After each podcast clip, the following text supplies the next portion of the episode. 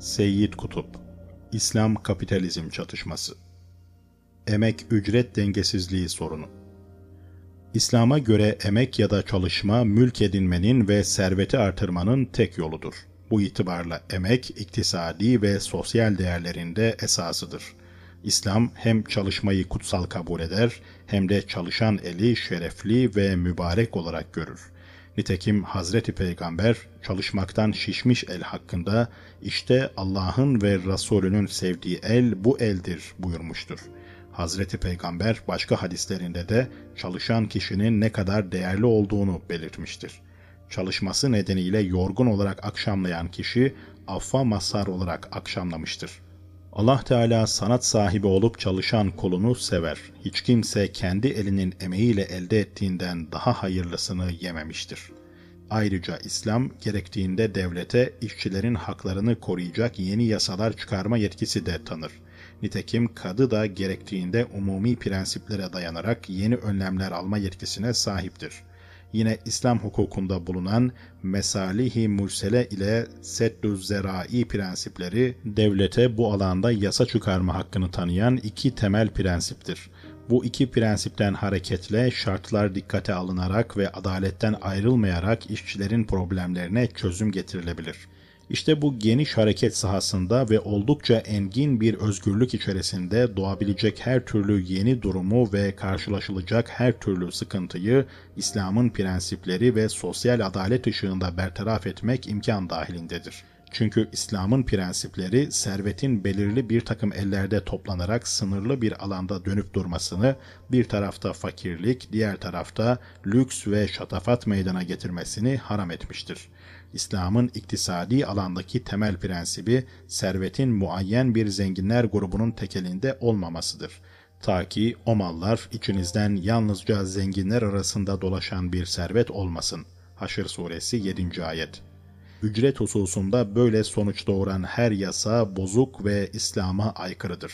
İşte bu prensip ve daha önce sözü edilen genel prensipler ışığında işçi ücretleriyle ilgili tatmin edici yasalar çıkarılabilir.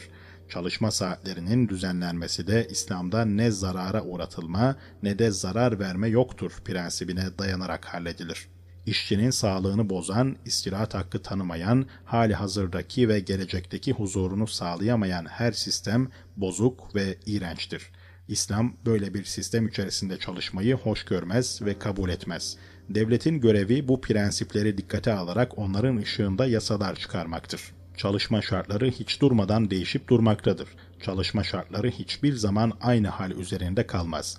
İşte bu nedenle İslam çalışma hususunda bazı umumi prensipler getirmekle beraber bu meseleyi kanunlarla sınırlayıp dondurmamıştır.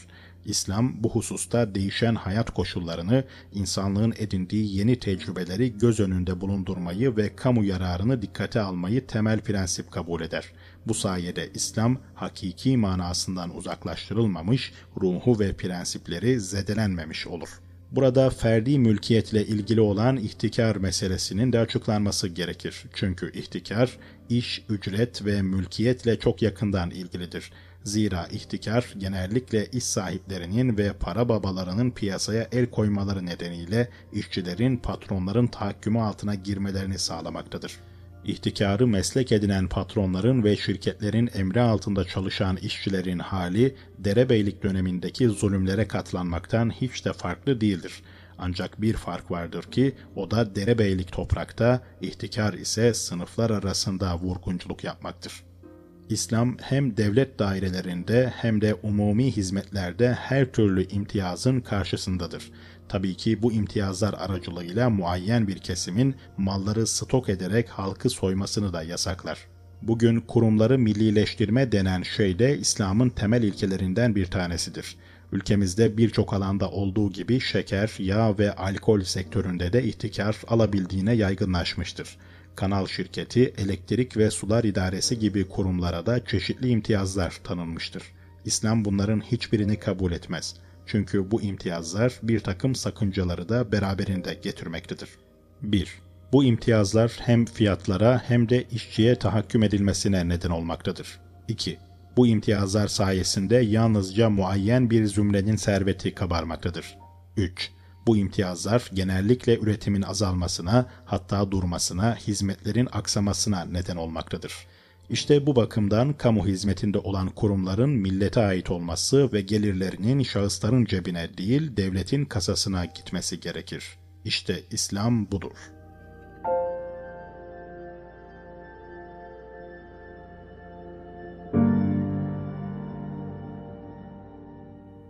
Fırsat eşitliğinin bulunmaması İslam nasıl ve ne şekilde olursa olsun eşitliğin ortadan kaldırılmasını hoş görmez. İslam seçkin bir aileden olma, zenginlik, renk ve ırk gibi şeylerin oluşturduğu farklılıklardan hiçbir şeyden nefret etmediği kadar nefret eder. İslam, kabiliyet ve mukadderattaki farklılığı kabullenmekle birlikte mutlak manada bütün insanlara fırsat eşitliği tanınmasının şart olduğunu söyler bütün insanlara aynı oranda fırsat eşitliği sağlandıktan sonra kabiliyetinden ötürü öne geçen kimsenin başarısı tabii olarak İslam'ın kabul ettiği bir şeydir. İslam bundan başka bir üstünlük kabul etmez. Hiç kimse doğduğu yerden ötürü başkalarından üstün sayılamaz. Belli bir evde doğmuş olmak hiç kimseye bir üstünlük vermeyeceği gibi değerini de düşürmez. Muayyen bir yerde doğmak da insana bir değer kazandırmadığı gibi içinde bulunan kabiliyetleri de yok etmez.'' Evet, İslam insanlar arasında sınıf ve tabakalar oluşturulmasına düşman olduğu kadar hiçbir şeye düşman değildir.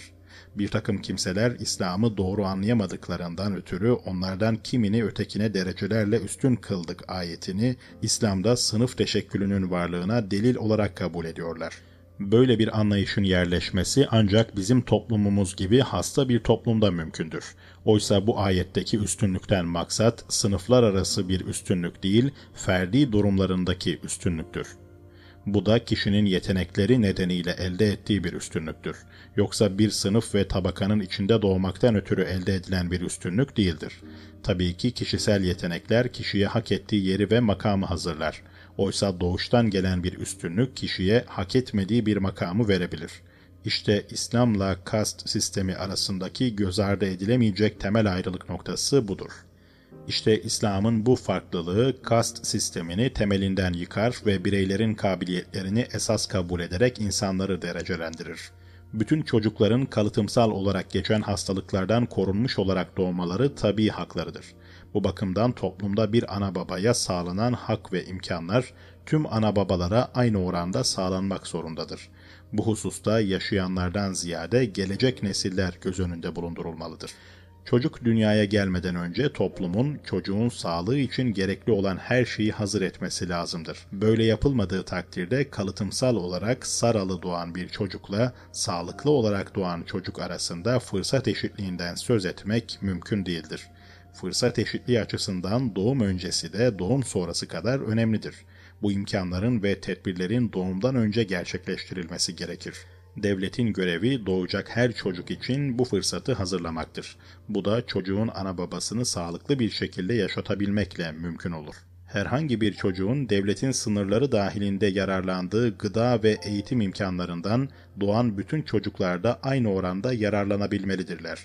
Eğer ana babanın kazancı çocuk için sözü geçen imkanları hazırlayacak durumda değilse, devletin ana baba için bu imkanları hazırlaması gerekir. Devlet bu görevi toplumun iki uzvu durumunda olan ana baba için yerine getirmiyorsa bile hiç olmazsa doğacak çocuk için bunu yapmalıdır. Eğer çocuk gıdasızlıktan ötürü özürlü doğarsa veya toplum tarafından ihmal edilip perişanlığa itilirse böyle olmayan diğer çocuklara nispetle bu çocuk için fırsat eşitliğinden söz etmek boş bir sözden ibaret kalacaktır. Bütün çocuklar öğrenim, çalışma ve kabiliyetleri oranında ilerleme ortamı bulabilmelidir. İşte tabii farklılıklar bu noktada ortaya çıkabilir. Ortaya çıkan bu farklılık beslenme ve giyim eksikliğinden değil, içten gelen tabii bir farklılıktır. İslam tarihinde kendi özel yetenekleriyle emsallerini geride bırakıp en yüksek makamlara çıkmış birçok örnek kişi bulunmaktadır. Bu kişilerin yükselmelerini ne yoksul bir ailede dünyaya gelmeleri, ne mütevazi bir topluluktan gelmeleri ve ne de küçük esnaf olmaları engellememiştir. Çünkü Allah katında takva dışında bir üstünlük yoktur. İslam sırf varlıklı bir ailede veya evde dünyaya geldiği için tanınan sahte imtiyaz ve ayrıcalıkları kabul etmez. yalnızca ailesi aristokrat olduğu için diğer insanlardan önce harbiyeye giren kişiler, yalnızca aristokrat bir evde doğduğu için siyasette öne geçen kişiler, yalnızca aristokrat bir aileden geldiği için dış ülkelere ihtisas için gönderilen kişiler her yerde görülmektedir. Bu kişiler başarılı olduklarından veya bu görevlere layık olduklarından değil, sadece sayılan imtiyaz ve ayrıcalıklara sahip olduklarından ötürü bu görevlere gelmişlerdir. İslam bunların hiçbirini kabul etmez. Çünkü bunlar İslam'ın dünyada gerçekleştirmek istediği hedeflere aykırıdır. Bugünkü rejime İslam açısından baktığımızda onun hesaba sığmayan rezaletlerinin bariz çelişkilerle dolu olduğunu ve sosyal dengeyi alt üst ettiğini yakından görebiliyoruz. İslam, devlet binasının tepesine çıkarak milletin üstüne çullanan ayrıcalıklı ve aristokrat kesimin yüzüne şöyle haykırmaktadır. Toplumun bugün olduğu gibi zulüm, tefrika ve fesatla ayakta kalabilmesi mümkün değildir. İşlerin İslam esaslarına göre düzenlenmesi şarttır.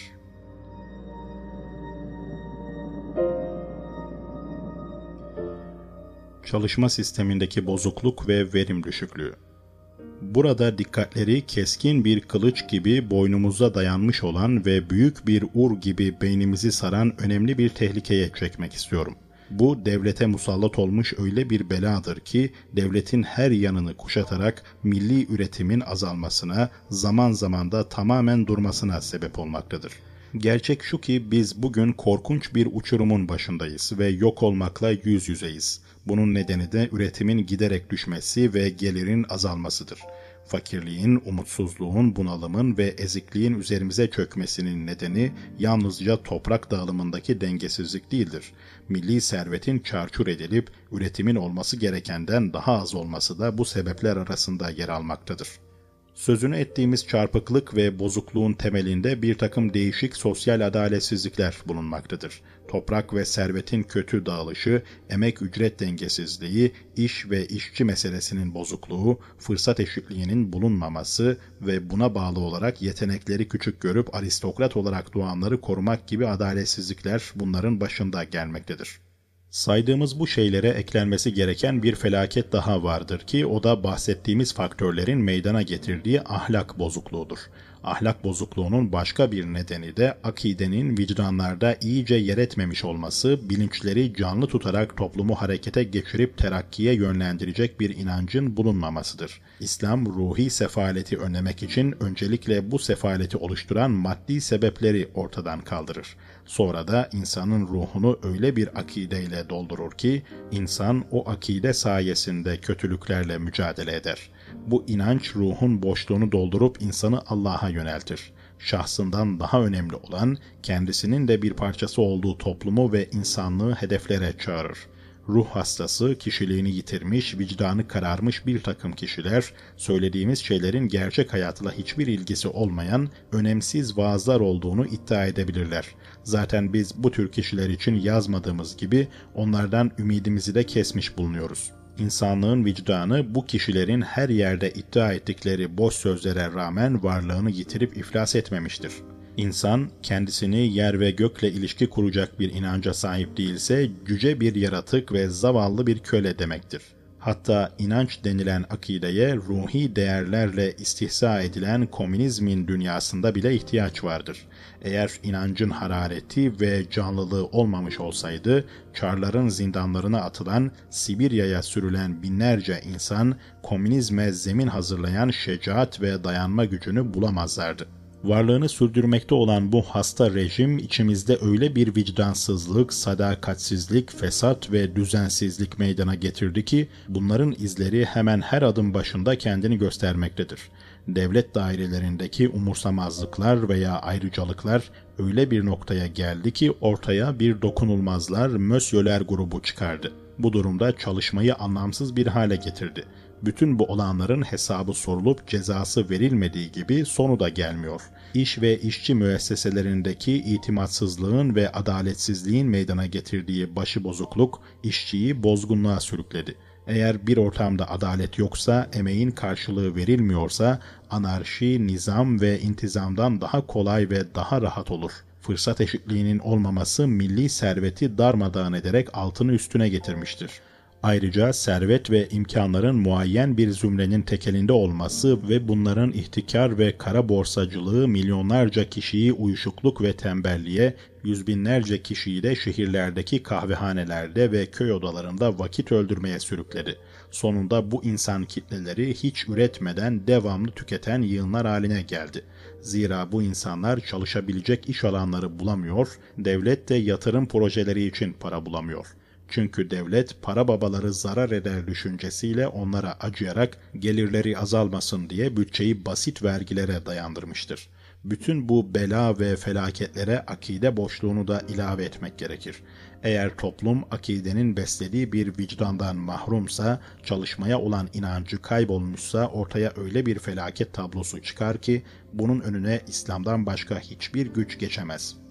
İslam var gücüyle tembellik denilen hastalıkla ve tembelliğe sevk eden her türlü sebeple mücadele eder.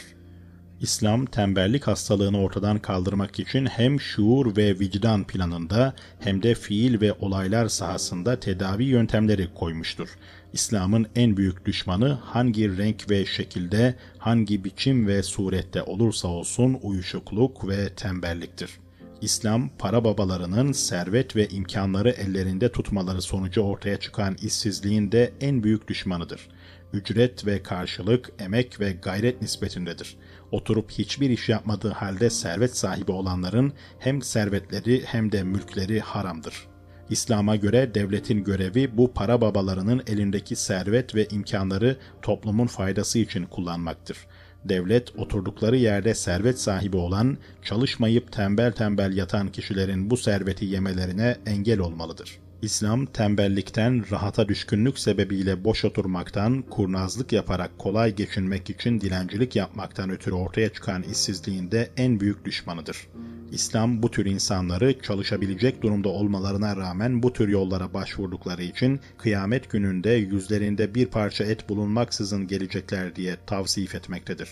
İslam dindarlık kisvesi altında tembel tembel oturmayı da haram kılmıştır. İbadetler muayyen vakitlerde yapıldığı için bir kimsenin bütün gününü almazlar. Namaz kıldıktan sonra yeryüzüne dağılın ve Allah'ın lütfundan nasibinizi arayın. Cuma suresi 10. ayet. İslam bir kenara çekilerek işsiz güçsüz oturup dualar okuyarak zaman geçirmeyi de kabul etmez. Bugün Mısır'da binlerce kişinin mescitlerde oturup namaz kılmaları, dualar okumaları, zikir ve mevlid merasimleri düzenlemeleri ve bunun dışında hiçbir şey yapmamaları İslam'a uygun bir davranış değildir. Eğer yetkiler İslam'a bırakılırsa bu kitleler çalışmaya sevk edilir. İş bulamadıkları takdirde devlet hemen devreye girerek iş imkanı bulur. Çalışmak da yiyip içmek kadar gerekli bir ihtiyaçtır. Çalışmak ruhun ve vücudun zekatıdır. İslam çalışmayı ibadet kabul eder. İşsizlik toplumu yıkıma sürükler. Bu nedenle devlet toplumu işsizlik felaketinden korumak için gereken imkanları hazırlamalıdır. Eğer bu imkanlardan sonra da bile bile tembellik eden olursa, devletin görevi zorla bile olsa bu kimseyi tembellikten men edip onu gücü nispetinde çalıştırmaktır.''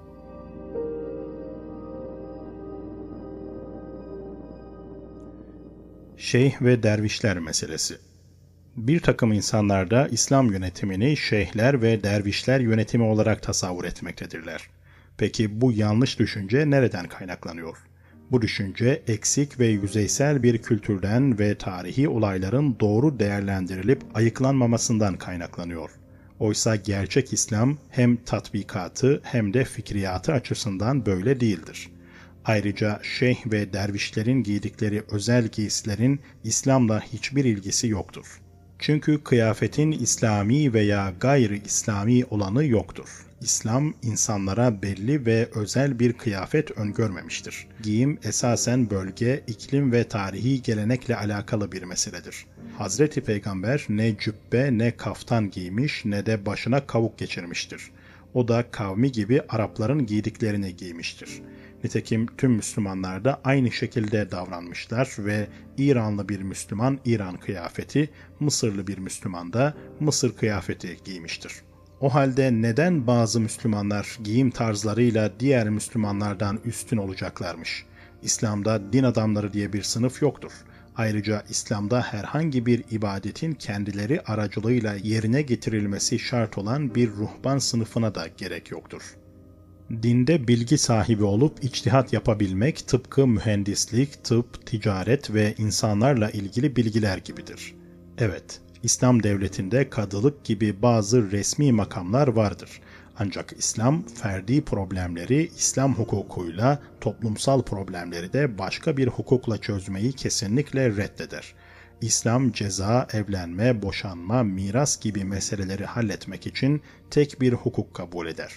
Toplumda karşılaştığı problemlerin çözümünde bu ana kaynağa müracaat eder bu hukuki meseleleri çözmesi için devlet tarafından görevlendirilen kişi bu sahada İslam hukukunun tümüne veya muayyen bir kısmına vakıf olması oranında görev yüklenir. Tıpkı bir doktorun, bir mühendisin bilgi ve ihtisasına göre vazife yüklendiği gibi. İslam toplumunda görev yapan kadı din adamı değildir. O da diğer Müslümanlar gibi bir Müslümandır yalnızca İslam hukukunu bildiğinden ve bu görevi en iyi şekilde yerine getirebileceğinden ötürü bu vazife kendisine verilmiştir. Çünkü hayatta her insanın daha iyi yapabileceği bir iş vardır. İmamlık gibi dini hizmetlere ise devlet hazinesinden maaş verilmez. Ancak imamın ders okutmak, mescitte bekçilik ve temizlik yapmak gibi başka bir görevi daha olursa kendisine maaş verilebilir.'' Aslında imamlık görevi muayyen bir kişiye tahsis edilemez. Cemaatin en yetkilisinin imamlık yapması gerekir. Ayrıca Müslümanların cuma namazı dışında diğer namazları tek başlarına kılmaları caizdir. Bu açıklamalardan anlaşılıyor ki İslam hakim olduğunda her işe müdahale etmelerinden korkulan bir din adamları grubu olmayacaktır. Bu işin nazari yönüdür. İşin ameli yönüne baktığımızda İslam tarihinde fıkıh bilgisinin çokluğundan ötürü kumandanlığa, valiliğe veya diğer görevlere tayin edilmesini isteyen tek bir kişinin dahi olmadığını görürüz. Bu durum Müslümanların her anlamda devlete hakim oldukları dönemlerde bile böyle ola gelmiştir. Herhangi bir iş ve hizmette kim ehilse o kişinin fıkıh bilgisine bakılmaksızın görev ona verilir.'' Hatta İslam insanlar arasında tek üstünlük kabul ettiği takvayı dahi görevler hususunda ölçü olarak görmez. İslam'ın yönetimi ele almasından endişe duyanlar, ordunun başında, kimya laboratuvarlarında, maliyede, iç işlerinde yalnızca ezbere çok dua okuyabilen, hadis ve fıkıh bilgisi fazla olan, Delail-i Hayrat isimli kitabı çok okuyan kimselerle, sırf bu özelliklerinden ötürü görevlendirilmiş olan gösterişli şeyhlerle ve sarıklı dervişlerle karşılaşacaklarını zannediyorlar. Oysa bu durum onların zannettikleri gibi değildir.'' Onun için korkmalarına gerek yoktur. İçleri rahat olsun. İşte İslam'ın tarihi gerçeği ortada durmaktadır.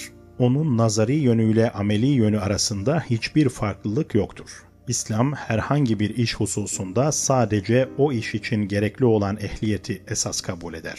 Meydanda din adamları denen bir sınıf olduğu müddetçe İslami bir yönetimin gerçekleşmesi mümkün değildir.'' İslami yönetim hakim olduğunda toplumun yapısı ve devletin şekli İslam'a uygun olacaktır. İslam'ın yönetim biçimi ise kesin bir şekilde ortaya konulmamıştır. İslam'ın yönetim biçimi şuraya dayanır. Nitekim bu husus Kur'an-ı Kerim'de açıkça belirtilmiştir. Yapacağın işler hakkında onlara danış. Ali İmran Suresi 159 İslam şuranın ne şekilde olacağı hususunda da belirli kaideler getirmemiştir. Çünkü bu zamana göre şekil değiştiren bir olgudur. Dolayısıyla vasıtaları, imkanları yer ve zamana göre farklılık gösterir. Medine'de vahyin açıklık getirmediği hususlarda Hazreti Peygamber sahabelerle istişare eder, onların görüşlerini alır, dünyevi işlerinde kendilerini serbest bırakırdı. Çünkü sahabeler dünya işlerini daha iyi biliyorlardı. Buradaki dünya işlerinden maksat şer'i ve içtimai meseleler değildir. Bu ifadeyle savaş, çiftçilik, meyvecilik gibi işleri kastediyoruz. Bu çağda bunlara ilmi ve pratik meseleler diyebiliriz. Fakat insanla, insan ruhuyla, insan düşüncesiyle, insanın insanla olan münasebetiyle, hak ve yükümlülüklerin nitelikleriyle ilgili olan hukuki ve dini meseleler naslara ve kıyasa göre düzenlenir. Ehli Rey Medine'de bulundukları için şura önceleri Medine'de uygulandı. Fakat şartlar değişip İslam'ın hakimiyet alanı genişleyince Halife Ebu Bekir şura alanını genişletti ve ilk olarak Şam'a karşı yapacağı savaşta Mekkelilerle de istişare etti. Çünkü savaş Arap Yarımadası'nın sınırları dışında yapılacaktı. Dolayısıyla hem Medine halkını hem de Mekke halkını ilgilendiriyordu. Çağımızda ise durum çok daha farklıdır. Tüm halkın görüşünü yalnızca Kahire ve İskenderiye'de veya herhangi bir şehirde yaşayanların temsil etmesi mümkün değildir. O halde yapılacak tek şey tüm halkın görüşünü temsil edebilecek bir oy vasıtasıyla halkın tümüyle istişare yapmaktır. Bu da yalnızca planlamayla ilgili bir meseledir. İslam bu husustaki temel prensibi açıkça ortaya koymuştur. İslam'ın kesinlikle öngördüğü şey seçimin her türlü kayıt ve engellemeden arınmış olması ve tüm halkın görüşünü yansıtmasıdır. Seçmen toprak ağlarının merhametine, işverenin ve güç sahiplerinin insafına terk edilmemelidir. Nitekim bugünkü seçimler böyle yürütülüyor. Bu da seçim sisteminde bulunan ve halkın görüşünün temsil edilmesine mani olan tüm engelleri ortadan kaldırmak demektir. İslam'da egemen güç kararın tek kaynaktan çıkmasını esas kabul eder. Bu ise halkın iradesidir. Serbest biat ya da seçim bu egemenliğin kazanılmasının biricik yoludur. Tarihi uygulamada bu prensibe göredir. Emeviler İslam'ın bu temel kuralını çiğnediler. Ancak Ömer bin Abdülaziz hilafeti aslına uygun hale getirdi. Hür ve serbestçe olması gereken halife seçimini ümmete bırakarak minberde şöyle dedi. Ey insanlar! Benim fikrim alınmadan, bu hususta herhangi bir talebim olmadan, Müslümanlarla istişare de yapılmadan bu göreve getirildim. Ben bana biat etmeniz hususundaki hakkımdan vazgeçiyor ve sizi serbest bırakıyorum. Dilediğiniz kimseyi kendinize halife seçin. Bu sözleri duyan halk, ey müminlerin emiri! Biz seni tercih edip seçiyoruz ve senden hoşnuduz. İşin sana hayırlı olsun, sana bereket dileriz dediler. Ömer bin Abdülaziz böylece halkın onayını alarak hilafet görevini yüklendi. Çünkü İslam'da şuraya başvurmadan halkın rızasını almadan halifelik makamına geçmek meşru değildir. İdari makama geçen Müslüman yönetici İslam şeriatını uygulamak kaydıyla halkın kendisine itaat etmesini isteyebilir. Zaten halkla olan sözleşmesi de bu şartladır. İslam şeriatını uygulamaya söz veren idareci başka şekilde davranamaz. Eğer başa geçtikten sonra İslam şeriatını uygulamazsa halkın kendisine itaat etme mecburiyeti yoktur. Çünkü bu dinin sahibi olan Hazreti Peygamber şöyle buyurmuştur. Dinleyin ve itaat edin. Başınıza geçen kişi kafası kuru üzüm gibi olan simsiyah Habeşli bir köle de olsa Allah'ın kitabına uygun davrandığı müddetçe ona itaat edin. Bu hadisten açıkça anlaşılan şu ki devlet başkanına itaat Allah'ın kitabına uymasına bağlıdır. Yoksa devlet başkanına kayıtsız şartsız itaat etmek söz konusu değildir. Eğer devlet başkanı Allah ve Resulünün emirlerine uymazsa kendisine her halükarda itaat etmek diye bir şey yoktur. İslami yönetimin gerçekleşmesi ancak bu yolla mümkün olur. Yoksa birçok kimsenin düşündüğü gibi yönetim şeyhlerden ve dervişlerden müteşekkil bir taifenin elinde olacak değildir. İşte tüm bunlar dinin temel prensipleri açısından böyledir. Ayrıca İslami yönetimin meczup ve dervişleri dairelerde milletin başına bela edeceğinden korkanların da yüreğine su serpmek isterim. Bu kimselere hiçbir idarenin bu tür adamları İslami yönetim kadar görevlerden uzak tutamayacağını açıkça söylemek isterim. İslam bu tip kimseleri bugünkü konumlarıyla uyuşuk ve işe yaramaz kişiler olarak kabul eder. Çünkü bu tip kimseler üretebilecek güçte olmalarına rağmen hiçbir şey üretmeyip tembel tembel oturuyorlar. Fakat İslam yönetimi bu tür adamları işe koşacaktır. Tüketici olmaktan çıkarıp üretici duruma getirecektir. Böylece bu kimselerin de topluma yararlı işler yapmaları sağlanmış olacaktır. İslami yönetim şeyh ve dervişleri avare dolaştırmaz. Bunların sadaka ve adaklarla hayatlarını devam ettirmelerine fırsat tanımaz. İslam bütün insanların çalışarak alın teriyle kazanmalarını ister.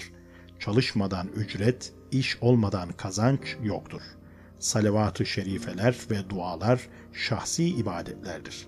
Bunlar içtimai bir iş veya hizmet değildir. Zikir meclisleri tertip etmelere ve virt okumalara gelince, bunlar tembellik döneminin bildiği şeylerdir. İslam'ın canlı ve hareketli dönemleri ise böyle şeyleri tanımamıştır.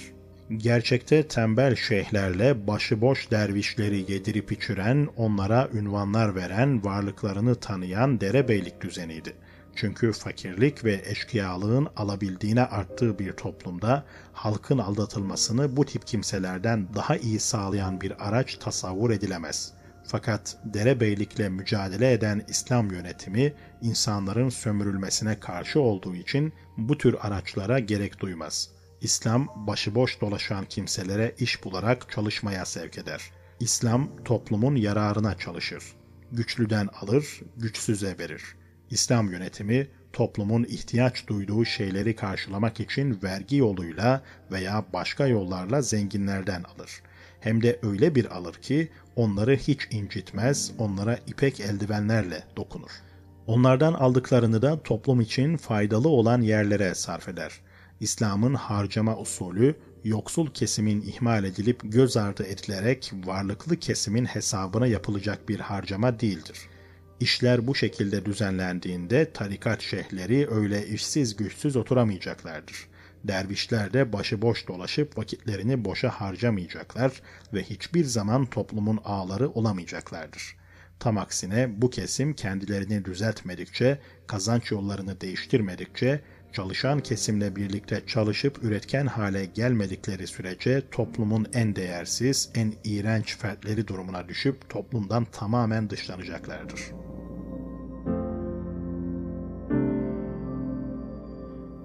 Emperyalistlerin düşmanlığı Emperyalizmin ve Haçlılığın İslam'a karşı hissettiği düşmanlığı birbirinden ayırmak oldukça zordur.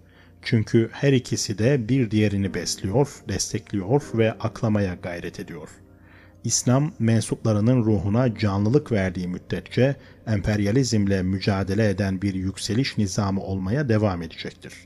Yönetim İslam'a bırakıldığı takdirde İslam emperyalizmle savaşma ruhunu harekete geçirerek sömürücülerin planını bozup alt üst eder.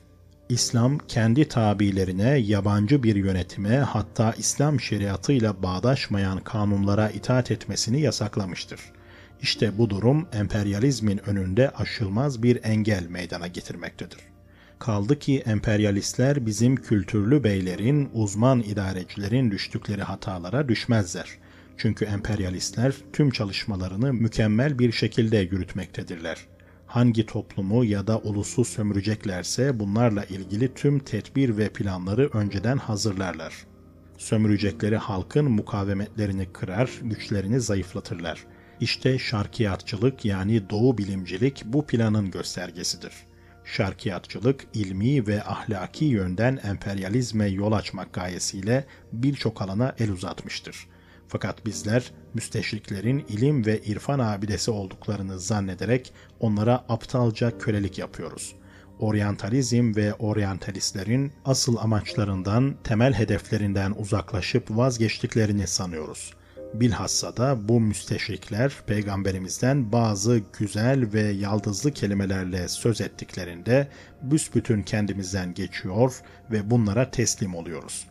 Oysa bu adamların amacı düşüncelerimizi zehirleyip dikkatleri başka bir tarafa çekmektir. Doğrusu insan zaman zaman gülmek istiyor. Bu gülme acı bir gülme de olsa insan yine de istiyor. İçimizdeki sözüm ona kültürlüler bu adamları samimi büyük ilim adamları diye tanıtarak bilgiçlik taslıyorlar. Eğer adamların kutsallığına dokunacak tek bir söz söyleyecek olsanız damgaları hazırdır hemen sizi kültürsüzlükle veya dini her şeye karıştıran mutasıplıkla damgalıyorlar. Şimdi bir daha söyleyin. Bunların böyle olduğunu anladığı halde bu haçlı zihniyetinin yanında yer alan kimselere yamyamdan başka ne denir? İngilizler ihtilal ordusunun bir gün mutlaka Mısır'ı terk etmek zorunda kalacağının farkındaydılar. Bu nedenle de ihtilal ordusunun dışında emperyalist ve sömürgeci tavırlarına destek olacak bir şeyler yapmaları gerekiyordu. Bunu da Mısır pazarlarını alt üst ederek Mısır ürünlerini dünya piyasalarından kaldırarak paramızı kendi paralarına bağlayıp kendi hazinelerine aktararak sağladılar. Fakat bütün bu destek ve dayanaklar ruhi ve fikri bakımdan beslenip geliştirilmedikçe emperyalizmin devamlılığı söz konusu değildir. Nitekim bu durum eski çağlarda da görülmüştü. Eğer ruhi ve fikri alanda bir saltanat kurulursa beyaz İngilizler Mısır'ı terk etse bile yerlerine Mısırlı esmer İngilizleri bırakmış olacaklardı. Evet, ruhları, düşünceleri satılmış, emperyalizmin aşığı olan Mısırlı köle ruhlu esmerleri bırakmış olacaklardı. İngilizler Milli Eğitim Bakanlığı'na çok fazla önem veriyorlardı. Çünkü kendi çıkarlarına hizmet edecek nesli bu sayede kazanabileceklerdi. Bu bakımdan kendileri giderken Milli Eğitim Bakanlığı'nı dostları olan Mısırlı esmer İngilizlere gönül huzuru içinde devrettiler. Nitekim bugün Mısır'da hala onların sistemleri, programları, kitapları, yönetmelikleri ruhi ve fikri emperyalizme hizmet etmektedir. Böylece emperyalizmin emelleri nesillerin ruhunda gerçekleşmektedir. Bütün bunların amacı din faktörünü devreden çıkarmak, İslam'ı sadece idareden değil, tümüyle hayat sahasından uzaklaştırmaktı. İhtilal peş peşe bazı kuşakları eğitmişti. Milli eğitime el atmış olan kurnaz plan sayesinde ihtilalin eğittiği bu kuşak her gün biraz daha artmaktadır. İşte bu kuşak İslam'ı gerileme ve çöküşün sorumlusu olarak görüyor ve cehaletten, donukluktan kurtulup kültürlü ve özgür olmanın ancak İslam'a sırt çevirmekle mümkün olacağını düşünüyor. Emperyalizm Mısır okullarındaki programlara ve tarih kitaplarına yapılacak en büyük kötülüğü yapmış ve dini ruhu öldürmek için her yola başvurmuştur. Mesela bir lise öğrencisi, üniversite öğrencisi de farklı değildir. Okuduğu tarihten ne öğreniyor? Hiçbir şey. Bu öğrenci İslam'ın insana ve topluma bakış açısından bir haberdir. Çünkü İslam adına okuduğu şeylerin tümü gazveler, savaşlar ve bir takım hadiselerdir. Öğrenci okuduklarından İslam'ın yalnızca bir savaş dini olduğu, fikri, insani ve toplumsal bir gayesinin olmadığı sonucunu çıkarıyor. İslam düşüncesinin karma karışık gösterilmesinin emperyalizm açısından başka bir yararı daha bulunmaktadır. Emperyalizm, İslam'ı karalamak için bundan daha yıkıcı bir faktör bulamaz. Bu faktör halkın din adamı olarak vasıflandırdığı kesimdir. Dervişler ve şeyhler de bu sınıfa dahildir. Bunlar fikirsizliğin ve dar görüşlülüğün, hurafe ve cehaletin temsilcileridir. Bunlar tüm pisliklerini din kisvesi altında sürdürüyor ve dinden iğrenilmesine sebep oluyorlar. Ayrıca bu adamlar özel hayatlarında da bir takım kötü davranışlarda bulunuyorlar ve bu da dine mal ediliyor. Sonuçta dinin ciddiyet ve saygınlığına gölge düşürüyorlar. Bu tutum ve davranışlarıyla da İslam ve Kur'an adına sömürgeciliğe ve sapkınlığa alet oluyorlar. Milli Eğitim Bakanlığı'na çöreklenmiş olan emperyalist eğitimciler sayesinde metotlara, programlara, kitaplara musallat olan ihtilal artıkları aldatılmış sözde din adamlarını da yanlarına alarak ihtilalin amacına ulaşması, ruhi ve fikri emperyalizmin zirveye çıkması için yardımlaşmalarını sürdürüyorlar. İhtilalden sonra bile bu yardımlaşmalarını devam ettiriyorlar. Burada İngilizlerin milli eğitime yaptığı katkılardan bir örnek sunacağım. Bu örnek birçoklarının dikkatini bile çekmemiştir. İngilizler Mısır'da yazar, edip ve profesör olan Taha Hüseyin adında bir adam olduğunu biliyorlardı. Taha Hüseyin bir ara Milli Eğitim Bakanlığı'na getirildi. İngilizler Taha Hüseyin'in aldığı kültürün gereği olarak Fransa'ya sempati duyduğunun da farkındaydılar. Taha Hüseyin Milli Eğitim Bakanı olunca İngilizler kendi kültürlerinin zarar göreceğinden endişe ederek telaşlandılar. Bu esnada her nasılsa Taha Hüseyin'in büyük bir edip olduğunu hatırladılar ve hemen Taha Hüseyin İngiliz hükümetinin davetlisi olarak İngiltere'ye çağrıldı. Taha Hüseyin İngiliz üniversiteleri tarafından çeşitli ödül ve ünvanlarla taltif edildi. Çünkü emperyalistler milli eğitimdeki tuzaklarının ortaya çıkmasından çekiniyorlardı. Emperyalizm bir takım muayyen çıkarları uğruna İslam'la mücadele etmektedir. Bu da kendi açısından normaldir. ruhi ve iç plandaki bir İslam ile bile savaşan emperyalizmin İslam'ın maddi bir güç haline gelmemesi için elindeki tüm imkanları seferber edeceği muhakkaktır. Batılı emperyalistlerin Kur'an'ın toplumsal tavsiyelerinden yararlanmada bizden daha uyanık ve bilgili olduklarında hiç şüphe yoktur. Onlara karşı gücünüz yettiği kadar kuvvet ve cihat için bağlanıp beslenen atlar hazırlayın. Bununla Allah'ın düşmanını, sizin düşmanınızı ve onlardan başka sizin bilmediğiniz, Allah'ın bildiği düşman kimseleri korkutursunuz. En'am suresi 60. ayet.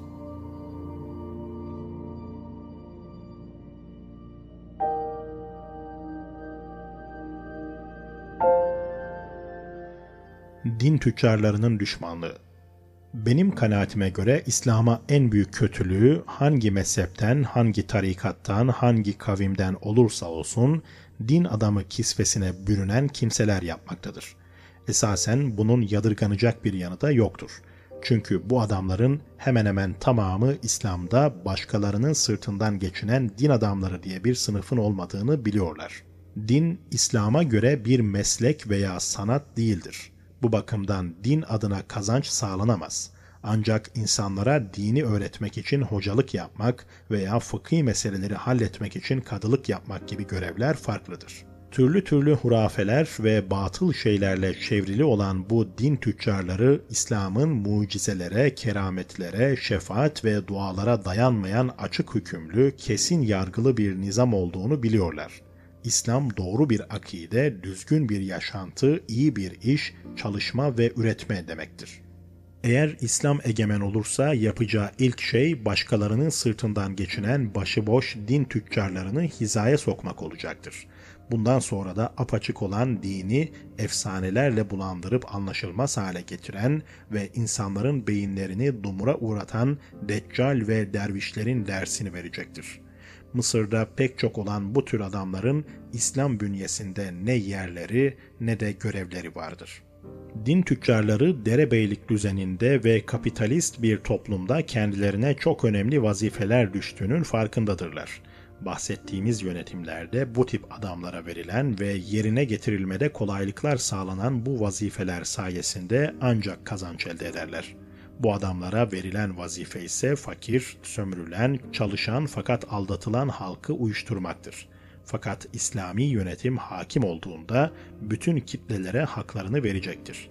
Sömürücülerin, müstebitlerin onlara el uzatmasını önleyecek ve mahrum bırakılmış, perişanlığa terk edilmiş kitleleri ezen servet azgınlığının önüne dikilecektir.'' Bütün bunlardan sonra din tüccarlarının toplumda ne vazifeleri kalacak? Devlet çarkında ve halk içinde ne işleri olacak? Aslında dinin bir sanat olarak görülmesi bozulmuş olan toplumsal düzenin ürünüdür. Bu durum aynı zamanda yönetimin de temel taşlarından biridir. Bu problemler çözülünce, bu sistem değişince dinin bir sanat, bir meslek gibi görülmesi ortadan kalkacaktır. Çünkü İslami yönetimde din, fiilin ve düzenin bizzat kendisi olacak ve bir takım boş sözler, mırıltılar, anlaşılmaz türden bulmacılar olmaktan kurtulacaktır. Din kisvesine bürünenler bu gerçeği akıllarıyla kavrayamasalar da hisleriyle anlayabilirler. Bu din tüccarlarının gerçekten zeki ve kurnaz olduklarını kabul etmek gerekir. Çünkü bunların çoğunda halkı sülük gibi emecek, sihirbaz gibi göz boyayarak kendisine hizmet ettirecek bir kurnazlık, zeka ve hüner vardır. Eğer bu adamlar düzgün bir düzende yaşasalar, bu özelliklerinden olumlu yönde yararlanılabilir ve toplumda bunlardan faydalanır. Oysa bu adamlar bugün sömürü çarkının önemsiz dişlileri durumundadırlar. Sömürücülerin çıkarlarına, vurgunlarına alet olmaktadırlar. Tabii ki de bunlar İslam'ın yönetimi eline almasını tehlike olarak göreceklerdir. Çünkü İslami yönetim en azından onları işe yaramaz hizmetlerinden men edecektir. Bu bile onları korkutmaya yetiyor. Son olarak şöyle seslenmek istiyorum. Ey millet! Siz kendinize sahip çıkmadığınız sürece başkasının size sahip çıkmayacağı açıkça anlaşılmıştır. Önümüzdeki yolların biri hariç hiçbiri gerçek kurtuluşa götürmez. Ey millet! Senin için haysiyetli olmanın yolu tayin edilmiş, sosyal adaletin yolu da gösterilmiştir. Bu yol geçmişte Müslümanları yükselten, eğer kendisine tabi olunursa şimdi de yükseltecek olan İslam yoludur. Ey millet! İşte İslam hazır vaziyette önünüzde duruyor. Her isteyeni izzete, şerefe, yücelmeye ve baş olmaya davet ediyor. Eşitlik, özgürlük, adalet isteyen herkese buyur diyor.